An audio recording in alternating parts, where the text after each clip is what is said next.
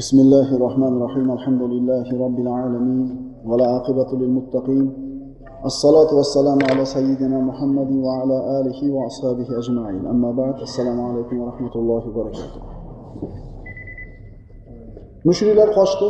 Ularni yuz kishidan iborat qo'shin quvib bordi.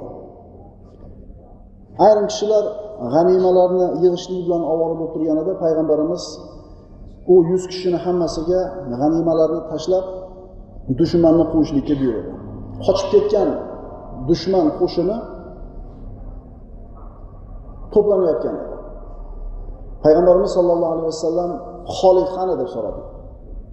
Xolid roziyallohu anhu bu havozin qo'shinini musulmonlarga bergan birinchi zarbasiga uchragan edi va butun tanasi jarohatlarga to'lib yiqilib tushgan edi. U kishini istay boshlashdi. Malik ibn avf ham havozinning boshlig'i qochgan edi u ham ana shu hunayn maydoniga yaqin bir joyda qo'shinini to'playotgan edi. Musulmonlar mushriklarni quvib ketar ekan musulmonlardan bo'lgan musulmonlardan bo'lgan bir jamoa malik ibn avf bor qo'shinni ham quvib borishdi malik ibn avf to'xtagan atrofga yoyilib ketgan qo'shinlar kelib to'planyapti. Musulmonlar uni ro'parasiga kelib to'xtadi. Birinchi bo'lib banu sulaym qo'shini yetib keldi. Musulmonlarga ham odamlar bitta bitta kelib qo'shilyapti. Har bitta qabila har bitta qo'shin bir birini ajratib olishlikni yo'li nima edi? Har bitta qo'shin nayzasini otini ustiga bir o'zgacha joylashtiradi. Banu sulaym banu sulaym nayzalarini otini bosh tomoniga qo'yib kelishardi. Ro'parasida to'planayotgan musulmon qo'shinini ko'rib molik ibn bular kim ekan? deb so'radi. Ularni nayzalariga qarab turib bular banu sulaym ekan deb javob berishdi. Molik ibn avf bulardan qo'rqmanglar havozinga ham qo'shinlar kelib qo'shilyapti qochib ketganlar kelib qo'shilyapti musulmonlarga ham madad kelyapti. Ozginadan keyin ansorlar kelib musulmonlar qo'shiniga qo'shildi. Shunda malik ibn avf bular kim ekan? dedi. Ansorlar nayzalarini otini orqa tomonga joylashtiradi. Nayzalariga qarab turib havozimliklar aytishdi bular muhammadni yasribdan bo'lgan ashoblar edi malik ibn bulardan ham qo'rqmanglar yana ozgina vaqtdan keyin muhojirlardan bo'lgan bir jamoa kelib musulmonlarga qo'shildi. Ularni boshlig'i zubayr ibn avvom roziyallohu anhu.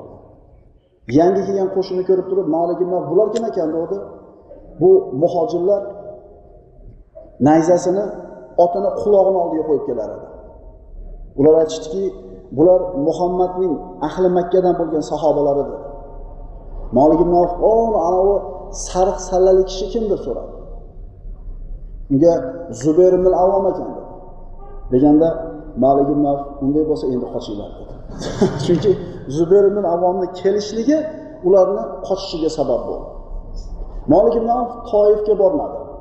O'zini layya deb nomlanadigan mintaqada bir qal'asi bor edi. Mana shu qal'asiga borib yashirindi. Shunday qilib havozin qo'shini mag'lub bo'ldi. Jang maydonida bu havozin qabilasi olib kelgan hamma qo'y tuyalar boyliklar ayollar bolalar qolib ketdi. Qo'shin mag'lub bo'lib har tomonga qochganda ayol va bolalar qochishlikka imkon topmadi. Havozin o'zi bilan nimani olib chiqqan bo'lsa hammasi asir tushdi. Payg'ambarimiz sollallohu alayhi vasallamni oldiga xolid ibn valid roziyallohu anhuni olib kelishdi. Butun tanasi jarohatlar bilan to'lgan edi. Jarohatlardan qon oqib turar edi. Uni olib kelishganida tikka turolmas edi. Otiga suyanib qolgan edi. Payg'ambarimiz sollallohu alayhi vasallam uni oldiga keldi hamda kiyimlarini yechdida jarohatlariga tupurib qo'li bilan surtiy boshladi. Tupurib surtiy boshladi. Tupurdi surtidi mana shunday qildi payg'ambarimiz. jarohatlardan birortasi qolmadi ey xolid turing dedi dushmanlarni qo'ying dedi xolid ibn valid xuddi jarohat ko'rmagandek shunday turdida otini minib dushmanlarni quvib ketdi bu o'rinda payg'ambar sallallohu alayhi vasallam bir mo'jiza ko'rsatdi alloh taolo bu haqida ushbu oyatlarda shunday marhamat qiladi astag'firullah لقد نصركم الله في مواطن كثيرة ويوم حنين إذ أعجبتكم كثرتكم فلم تغن عنكم شيئا وضاقت عليكم الأرض بما رحبت ثم وليتم مدبرين alloh sizlarni ko'p o'rinlarda g'olib qildi hunayn kunini eslanglar o'shanda sizlarni ko'p ekanligingiz mag'rur qilib qo'ygan edi ammo sanog'ingizning ko'pligi sizlarni hech narsadan behojat qila olmadi va sizlarga keng yer torlik qilib qoldi keyin olloh payg'ambariga va mo'minlarga o'z tomonidan xotirjamlik nozil qildi. Hamda sizlar ko'rmagan bir lashkarni tushirdi farishtalarni va kofir bo'lgan kimsalarni azobga duchor qildi. Kofirlarning jazosi shudir. Havozin qochar ekan qochganlarni qatorida durayd ibn summa ham bor edi. Avvalgi darsda aytib o'tdik yoshi yuzdan o'tgan edi qariydi ko'zi ojiz edi. Qariligi shunchaki otni ustida o'tirolmaganligidan ayollar o'tiradigan havdajda edi tuyani ustida havdajda yurar edi. U ham qochgan bo'ldi. Uni tuyasi ketayotganda o'n olti yasharlik bir yosh yigit uni tutib oldi. Bu robiya ibn rufay al aslamiy o'n olti yoshda. Havdajni ko'rdida ichida ayol kishi bo'lsa kerak dedi asr qilib olaman deb borib tuyani so'diray boshladi. Durayd ibn sunna birovni kelganligini sezib chaqirdi. Shunda robiya buni ichida erkak kishi bor ekan dedida tuyani cho'ktirdi. Qarasa ikki ko'zi ko'r bo'lgan ojiz bo'lgan qari chol o'tiribdi. Qocholmaydi bu o'n olti yasharli yigit birinchi marta qatnashayotgan edi jangda. Qo'lidagi qilich bilan uni qatl qilish uchun yelkasiga bir zarba beruvdi. Endi qari odam suyaklari qurib qatib ketganidan ta'sir qilmadi. Qilichni deb bordi. Shunda duray kuldi. Isming nima dedi robiya ibn rufay aslamiy durayt aytdi ey robiya dedi. Bir vaqtlar seni ayollaringni himoya qilgandim dedi. Yana unga kel dedi. Senga jang qilishni o'rgataman agar dushmaningni qatl qilmoqchi bo'lsang dedi bu yelkasiga urma dedi. Mana bu joyga ur deb ko'rsatdi. Yana aytdiki seni qiliching nochor ekan. U tuyani ustida meni qilichim turibdi olib kel dedi qilichini olib keldi. Durayt endi dedi qilich bilan dedi o'zi o'rgatyapti. O'zini qilichini berib turib mana bu joyga o'ldirasan urasan dedi. So'ngra aytdiki keyin dedi borib onangga ayt. Bir vaqtlar ularni men himoya qilganman dedi. Yigit hech narsadan xabari yo'q durayib ko'rsatgan joyga qilich bilan urdi qatl qildi. So'ngra onasiga borib bo'lgan ishni aytdi. Onasi bu so'zni eshitib turib yig'ladi. Senga bir vaqtlar ayollaringni himoya qilganman desa ham qatl qilaverdingman nimaga to'xtab turmading dedi. Robiya nimasi bor bu gapda onasi aytdi johiliyat davrida dedi. Men onam va barcha singillarim opalarim asir tushgan edik. Bizni qutqarib keyin ozod qilib yuborgan kishi durayb ibn summa edi dedi. Robiya aytdi men buni bilmabman dedi. Agar bilganimda qatl qilmasdim dedi. Durayt ibn summani nihoyasi shunday bo'ldi. Payg'ambarimiz sollallohu alayhi vasallam qaytib kelgan qo'shini bilan maydonda qolgan o'ljalarni jamlayotgan edi. Endi o'ljalar qirq mingta qo'y yigirma to'rt mingta tuya bolalardan yosh bolalardan tashqari ayollarni o'zi sakkiz mingta. Ya'ni aytdik havozin qabilasi nimasi bo'lsa o'zi bilan olib chiqqan edi jang maydoniga durayd sunma aytgandek mag'lub bo'lgan qo'shinni biror narsa qaytarib qolmaydi degan edi u aytgandek bo'ldi. Mag'lub bo'lganda orqasida ayollari bolalari turganligi havozin qo'shinini to'xtatib qololmadi. Ular hammasi qochib ketishdi. Va o'zlari bilan nimani olib chiqishgan bo'lsa hammasi asir tushdi.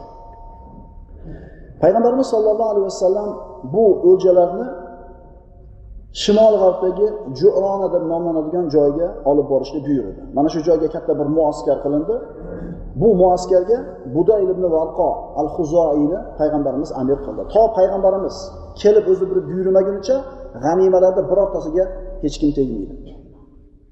G'animalar yig'ildi. Xolid ibn Valid qaytib keldi, Zubayr ibn Avom qaytib keldi. Endi Toifga borib yashiringan Havozin qabilasiga qarab yurishlik boshlandi. Musulmonlar Toifga qarab ketyapti. Ayrim muorixlar Toif g'azoti deydi, bu noto'g'ri. Bu Hunayn g'azotining davomi. Havozin qo'shini Toifga kirib, eshiklarni berkitib, qal'alarni mustahkamlab, qurollarini tayyorlab, jangga, qamalga endi tayyorgarlik ko'rishni boshladi payg'ambarimiz qo'shini bilan yetib keldi ular bilan gaplashmoqchi bo'lib ularga odam yubordi musulmonlardan yazid ibn zuma roziyallohu anhuni ularga islomni taklif qilish jizyani yoki jangni taklif qilish uchun elchi qilib yubordi. Yazid ibn zuma roziyallohu anhu qal'ani oldiga borib turib menga omonlik bormi? dedi. Ya'ni elchiga hech kim tegmaydi hech qaysi zamonda. Senga omonlik bor deyishdi qal'aga yaqin kelgan paytda kamon bilan otib uni qatl qilishdi. Uni hudayl ibn abi sal qatl qildi. Elchi qatl qilinmaydi. Ya'ni mana shu ishidan toifliklarni maqsadi jang ekanligi ma'lum bo'ldi. Payg'ambarimiz musulmonlarga hujumga tayyorlanishlikni buyurdi. Shu payt hozir yazid ibn zumani xiyonat bilan qatl qilgan hudayl ibn abi salt oti bilan tashqariga chiqdi. Musulmonlarni holidan xabar olib kelish uchun musulmonlarga qarab musulmonlar tarafiga qarab yurib keldi. Endi orqa tomonida qal'asi bor otini ustida xotirjam. Biror kor hol bo'lsa shart qaytib kelib oladi. Uni hozir qatl qilingan yazid ibn zumaning ukasi yaqub ibn zuma ko'rdi. Ko'rdida ot bilan chiqib uni orqa tomonidan aylanib o'tdi. Hudayl ibn abissal bundan xabari yo'q. Kutilmagan orqa tomondan unga hujum qilib qoldi qayoqqa qochadi? Qal'a tomondan kelyapti bu musulmon. Musulmonlar tomonga qarab qochdi uni tutib olishdi. So'ngra yaqub yaqub ibn zuma kelib yo rasululloh bu xiyonatkor dedi. Bu meni akamni xiyonat bilan qatl qildi dedi. Payg'ambarimiz ha uni bo'yniga qilich urdi. Mana shunday qilib qilgan xiyonati uchun huday ibn abissal qatl qilindi. Musulmonlar tayyorgarligi tugab qal'aga hujum qilishdi. Mushriklarni himoyasi nihoyatda bir yaxshi edi. Ularni toif ahli kamondan o'q otib qaytarib turdi. Musulmonlar qaytishga majbur bo'lishdi. Yana hujum qilindi. Yana natija bo'lmadi. Shunda payg'ambarimiz sollallohu alayhi vasallam toifliklarni qal'alarni tashqaridagi bog' xurmolarini daraxtlarni kesishlikka buyurdi. Musulmonlar kesishlikni boshladi. Shunda toifning kattasi bo'lgan abdiyalay payg'ambarimizga odam jo'natdi. Endi albatta toifning ulug'i urva ibn masud as saqafiy edi. Lekin bu paytda toifda emas edi u urdunda edi jarashda edi musulmonlarga qarshi bular hujum qilmoqchi bo'lib urva ibn masud manjaniq va dabbabalarni yasashlikni o'rgangani ketgan edi. Shuning uchun uni o'rnida abduyalay turgan edi. Abduyalay kim edi? Abduyalay kim edi? Eslasanglar payg'ambarimiz toifga da'vat qilgani borganida makkadalik davrida uni mushriklar toshbo'ron qilib jo'natishgan edi. Ana shu toshbo'ron qilishlikka odamlarni gijgijlagan abduyala edi. Abduyala jo'natgan odam keldida aytdiki ey muhammad bog'larda nima aybi bor? Agar yengsanglar bu daraxtlar sizlarga qoladi. Agar biz yengsak bizga qoladi. Nima bo'lganda ham olloh uchun qarindosh urug'chiligimizni hurmati bog'larni qo'yinglar kesmanglar. Biz yahudlardaqa emasmiz taslim bo'lmaymiz dedi. Payg'ambarimiz daraxtlarni kesishlikni to'xtattirdi. Shu vaqtda uyayna ibn hisndan ba'zi bir tasarrufotlar sodir bo'ldi. Uyayna ibn hisn islomni qabul qilib ko'ringani bilan hali islom qalbiga joylashmagan edi. G'atafon sayyidi o'ljalardan umid qilib kelgan edi. Yo rasululloh dedi ruxsat bering men borib toifliklar bilan gaplashib kelay. Menga bir narsa qilisha olmaydi. Chunki agar meni qatl qilishsa g'atafon keladi ularga qarshi deb payg'ambarimiz bo'pti boring dedi uyayna ibn hisn rasulullohni elchisi bo'lib toifga bordi. Menga omonlik bormi dedi omonlik bor qal'ani ichiga kirdi. Unga toifliklar yig'ilib kelib ortingda nima bor? Nima harob xabar olib kelding? Dedi uyayna aytdi ortimdagi qo'shin juda yam zaif dedi. Ular quvvatsiz. Ko'rdinglar hunaynda birinchi bergan zarbalarda nima bo'ldi? Sobit turinglar sabr qilinglar. Sizlar jang ahlidansizlar qo'rg'onlaringlarda turibsizlar. Muhammad sizlardek qo'shinga duch kelgan emas dedi ha bu rasulullohni yuborgan elchisi shu ishni qilyapti. Toifliklar o'zi ikkilanib turganda havozin endi uni gapidan keyin taslim bo'lmaslikka qasd qilishdi. U yana qaytib chiqdi. Payg'ambarimiz nima gap uyayna aytdi yo rasululloh ularni qo'rqitdim.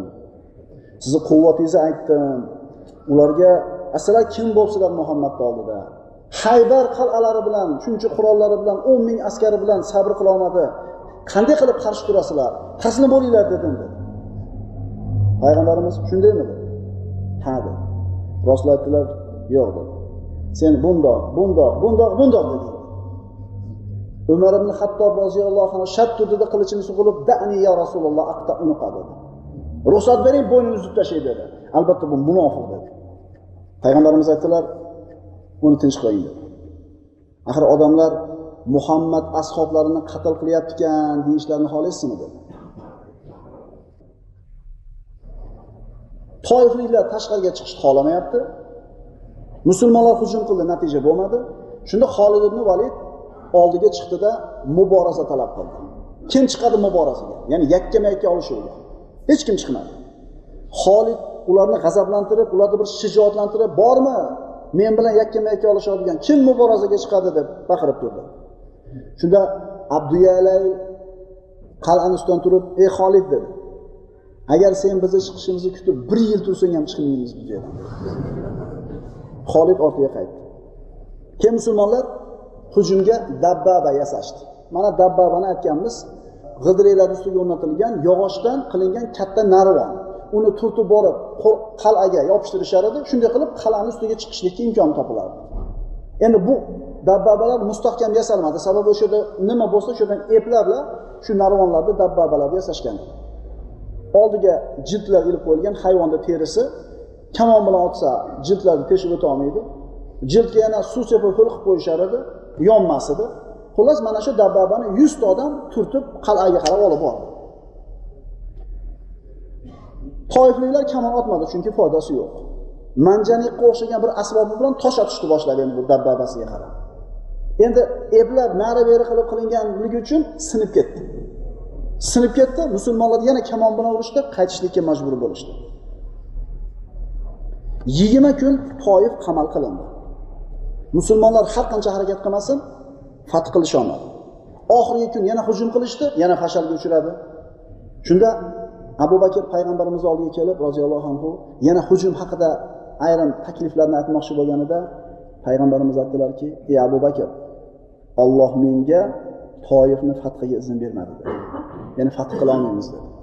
Bu haqida avval oyatlar nozil bo'lgan edi va uxro lam taqdiru alayha. Yana boshqa sizlar hali hanuz qodir bo'lmagan o'ljalar bor.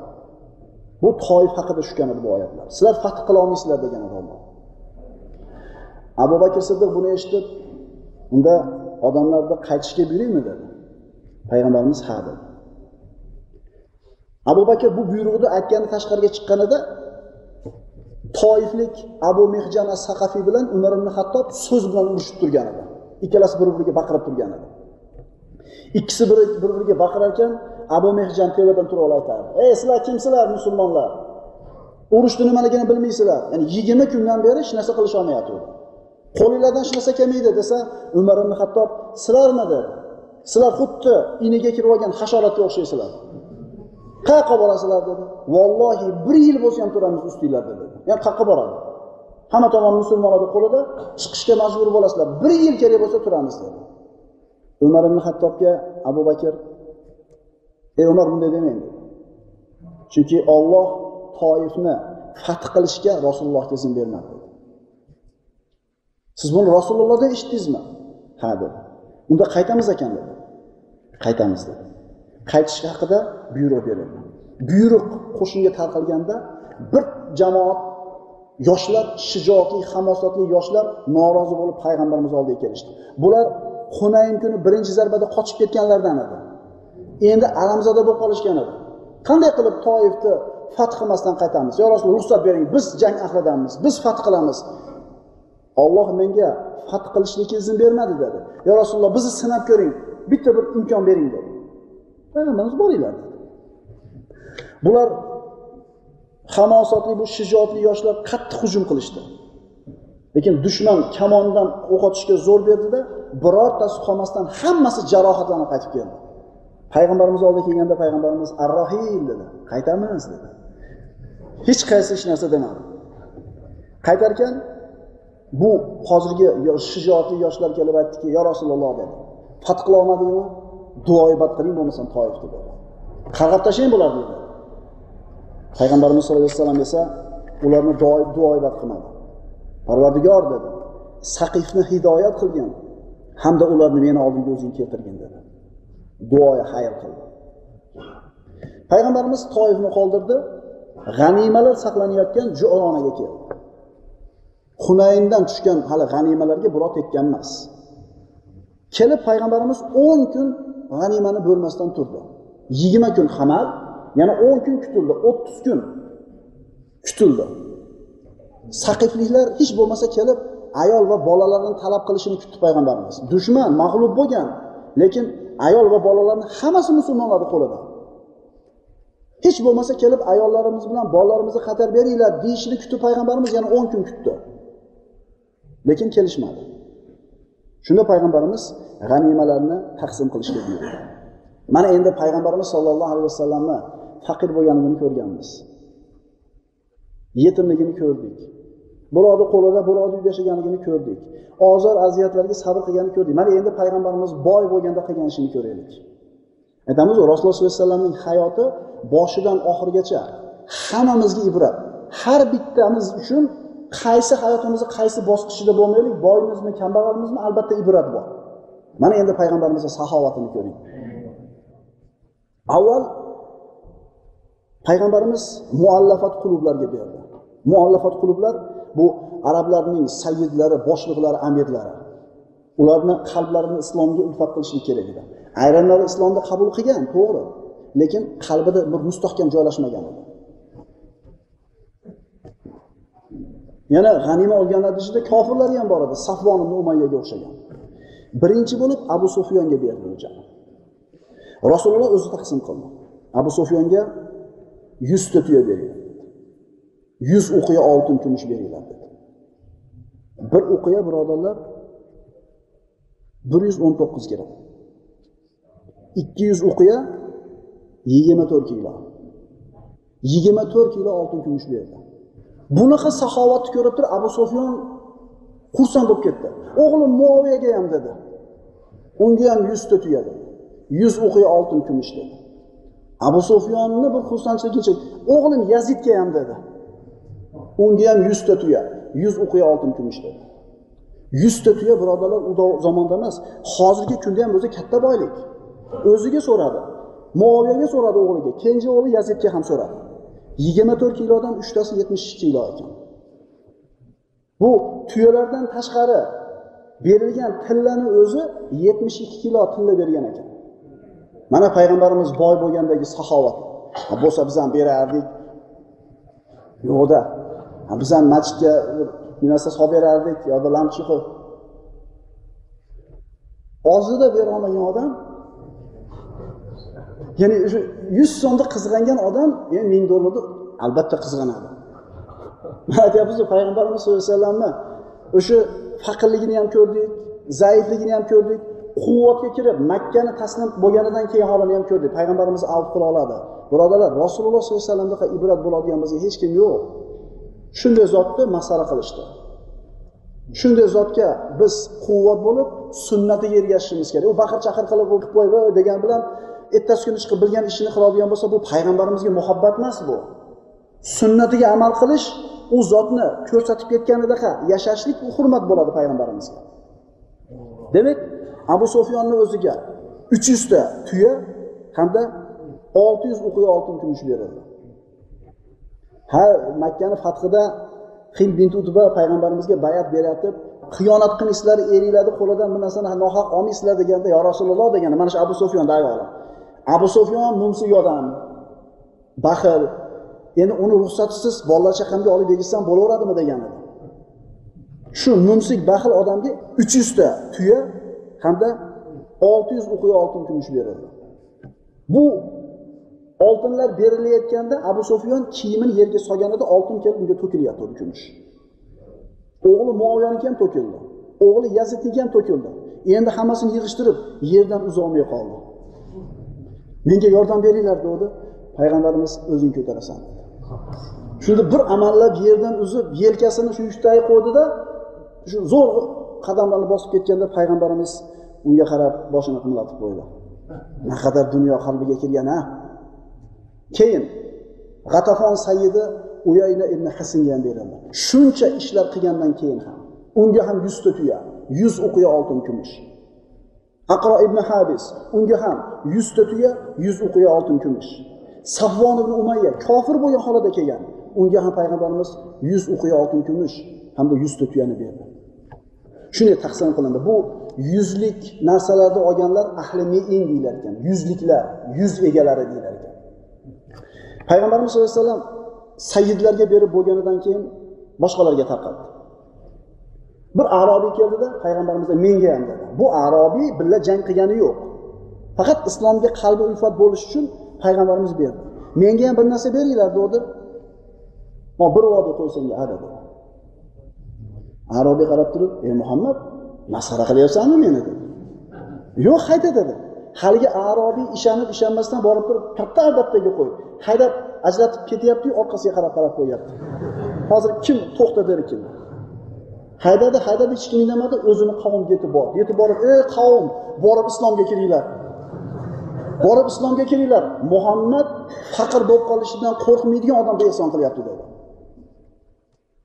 Odamlar endi yopirilib payg'ambar sallallohu alayhi vasallam oldiga kelishni boshladi. Aroblar kelib hammasi payg'ambarimizdan o'lja talab qilishadigan bo'ldi.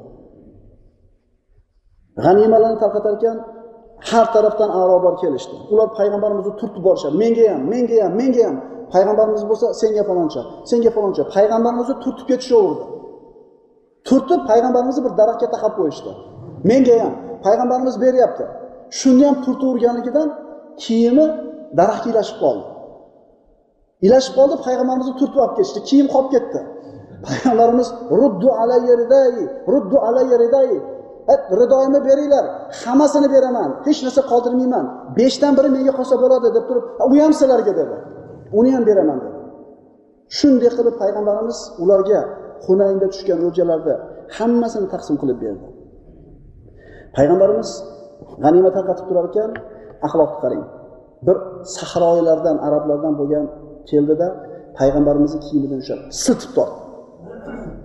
Shunday tortishi qattiq bo'ldiki rasulullohni ridosi bo'yniga botib qizartirib yubordi bu so'rayotgan odamni qilayotgan muomalasi. Bu bir narsa berayotgan emas. Bu qilayotgan muomalasi bilan bir narsa olib bo'lmaydi. Ey muhammad dedi. Menga ham biron narsa ber adolat qil dedi. Chunki albatta quraysh zolim qavm dedi. Umar ibn hattob shart qilishini sug'urdi. Yo rasululloh ruxsat bering buni qatl qilay dedi aytingchi sizdan bir narsa so'rayotgan odam kelib turib shunaqa muomala qilsa nima qilasiz? Siz ham umar ibn hattob qilgan fe'lni qilasiz. Payg'ambarimiz uni tinch qo'ying dedi. Beringlar unga bu hech narsa qilmasdan olayotganlar bular. Arobiyga payg'ambarimiz berdida olgandan keyin rozimisan? Arobiy roziman hammaga o'lja berildi. Faqatgina ansorlarga hech narsa berilmadi. Shuncha yil rasululloh hijrat qilib kelganiga sakkiz yil bo'ldi. Sakkiz yil mehnat mashaqqatda turib bergan issiq sovuqqa chidagan eng og'ir kunlarda rasulullohni yonida turgan kishilarga hech narsa bermadi payg'ambarimiz. Asrlar orasida bir ayol qichqirishni boshladi. Meni qo'yib yuboringlar men payg'ambaringlarni opasiman dedi. Sahobalar rasulullohni opasi borligini bilmas ekanmiz. Payg'ambarimiz oldiga kelib yo rasululloh bir ayol sizni opangizman deyapti. Dedi kim ekan? Ayol keldida men shaymo bintul xoris binti halima sadiyaman payg'ambarimiz sollallohu alayhi vasallamni emizgani olib ketgan halima sadiyani qizi edi. Bu halima sadiya payg'ambarimizni uyga olib borganda bu shaymo qizi yetti yoshda edi. Payg'ambarimizni ko'tarib yurardi tarbiya qilishlikka onasiga yordam berardi. Nabiy sallallohu alayhi vasallam tanimadi. Endi bu davoni to'g'ri kelgan ayol qilishi mumkin. Payg'ambarimiz qayerdan bilaman men sizni sizligingizni nima alomat belgingiz bor? dedi. Shaymo aytdiki sizni ko'tarib yurganimda siz tishlab olgan tishning kuragimda izi bor. dedi. Shuni esladimi? Demak to'g'ri aytyapti. Payg'ambarimiz uni ikrom qilib ozod qildi. Islomda qabul qildi. Endi banu saad qabilasi ham asrga tushgan edi hamma qatori. Payg'ambarimizni emikdosh opasi ekanligini bilgandan keyin sahobalar hammasi banu saad qabilasini payg'ambarimizga ikrom sifatida hammasini ozod qilishdi. Yetmishdan o'tgan kampir payg'ambarimiz o'zi bilan madinaga olib ketmoqchiligini aytganida bu ayni qari ayol qavmiga o'rganib qolgan. O'zimni qavmim bilan ketaman dedi. Mana shunday shaymo bin xorisni sharofati bilan banu sad qabilasi qulchiligidan ozod bo'lib ketdi. Asr tushganlar ichida bir kishi meni qo'yib yuboringlar meni qo'yib yuboringlar meni payg'ambaringlar bergan omonli xatim bor dedi. Bu suroha ibn molik edi.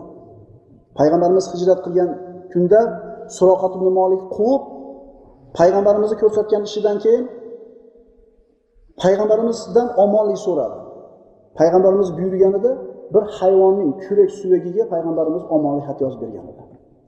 Qanaqa xat dedi? Menda payg'ambarlardan xat bor dedi. Payg'ambarimiz oldiga kelishib bu kishi siz unga omonlik berganingizni aytishyapti dedi aytyapti dedi. Bu rostmi dedi? Payg'ambarimiz ha ha men yozib berganman dedi. Bu vafo qilish kuni vafo qilishlik kuni uni qo'yib yuboringlar dedi. G'animalar tugadi. G'animalar tarqatib bo'lindi ansorlar norozi bo'lishdi. Hamma oldi. Muhojirlar ham oldi chunki faqirlari ko'p edi. Muhojirlarga ham berdi muallafat klublarga ham berdi umuman qayoqdan kelgan arobiylarga ham berdi. Faqatgina ansorlar quruq qolishdi. Shunda ular to'planishib bir ikkinchisiga shikoyat qildi.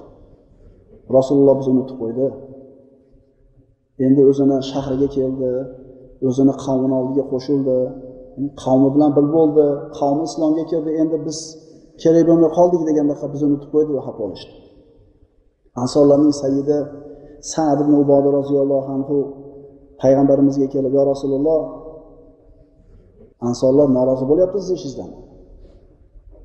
Nimaga norozi siz ansorlardan boshqa hammaga g'animat berdingiz faqat bizga bermadingiz payg'ambarimiz esa sad o'zizchi o'ziz nima deysiz? dedi men nima men ham qavmimdan bitta odamman dedi. Shunda hatto sad ibn ubodadek ulug' sahoba ta'sirlanganligini ko'rib payg'ambarimiz ansorlarni yig'ing hammasini dedi. Faqat ansorlar yig'ilsin dedi. Hamma yig'ilganda meni chaqiring ansorlar yig'ilishdi. Ulardan boshqa hech kim bo'lmadi u yerda faqat ansorlar. Payg'ambarimiz ularni oldiga keldi xutba qildi. Allohga hamd. O'ziga salovat aytdi. So'ngra dedi. Ey ansol men kelganimda oldinglarga zalolatda edinglar. Men sababli olloh sizlarni hidoyat qildimi? Men kelganimda faqir edinglar. Olloh men tufayli sizlarni boy qildimi? Men kelganimda tarqoq edinglar. Men tufayli olloh sizlarni birlashtirmadimi men kelganimda mag'lub edinglar. Olloh sizlarni g'olib qilmadimi? Minnat qildi. Ansorlar esa rasulullohning har bitta so'ziga minnat va fazl olloh va rasulining haqqi minnat va fazl olloh va rasulining haqqi deb turishdi. Minnat qilishga faqat olloh bilan payg'ambarni haqqi bor deb turishdi. So'ngra payg'ambarimiz aytinglar dedi aytinglar agar shunday desalar haq bo'lasizlar. Agar xohlasanglar aytishinglar mumkin. Agar shunday desanglar rost aytgan bo'lasizlar. Yo rasululloh yurtingizdan quvilib keluvdingiz. Biz sizni qabul qildik. Faqir edingiz biz sizni boy qildik. Quvilgan edingiz biz yordam berdik. Deylar agar shunday desanglar to'g'ri aytgan bo'lasizlar dedi. Ular esa minnat va fazl olloh va rasulining haqqi deyishdan boshqa gapga tushmadi. Payg'ambarimiz o'zi ularga ko'rsatgan fazlini ham eslatdi hamda ansorlar payg'ambarimizga ko'rsatgan fazlini ham eslatdi. Payg'ambarimiz birovni qilgan fazli marhamatini unutmaydigan zot edi. Nabiy sallallohu alayhi vasallam ularga odamlarni qalblarini ulfat qilish uchun dunyoni arzimagan matohlarini ularga berib sizlarga bermasam mendan norozi bo'ldinglarmi men sizlarni iymoningizga topshirgan edim. Axir odamlar uylariga tuya qo'y chorvalarni haydab ketgan paytda sizlar o'zinglar bilan uylarga rasulullohni olib kelishlikka rozi bo'lmaysizlarmi? Odamlar uch to'rt chaqa dunyoda olib ketayotganda sizlar rasulullohni o'zinglar bilan ketishiga rozi bo'lmaysizlarmi deganda ansorlar hammasi rozimiz rozimiz yo rasululloh deyishdi. Qattiq yig'lashdi. U qo'y qo'zini uyiga olib ketish qadayu rasululloh ular bilan birga ketganiga qadi payg'ambarimiz aytdilar agar ansonlar bir vodiyga yursa insonlar boshqa bir vodiyga yursa men ansonlar yurgan tomonga yuraman dedi. Ansonlar meni yuragim dedi payg'ambarimiz sallallohu alayhi vasallam. Chunki haqiqatan ansorlar eng qiyin kunlarda payg'ambarimiz yonida yordamchi bo'lib turgan kishilar edi. Albatta ularga beriladigan mukofot bu dunyo matohi bilan bo'lmas edi. Sad ibn uboda roziyallohu anhu payg'ambarimizga ikkinchi aqaba bayatida bayat berayotganida yo rasululloh madinaga ko'chib boring degan edi biz sizni ko'chib borishingizni xohlaymiz deganida aytilgan ediki ey yasribliklar rasululloh sizlarni oldinglarga borsa nima ish bo'lishligini bilasizlarmi? Butun arablar sizlarga qarshi bo'ladi qilishlari hamma bilan dushman bo'lasizlar. Shunda ansorlar so'rashgan edi. Yo rasululloh agar shunday qilsak ya'ni sizga yordam berib butun arablarga qarshi turib bersak yordamimizga bizga nima bor deb so'ragan payg'ambarimiz bitta so'z aytgan. Jannat dedi.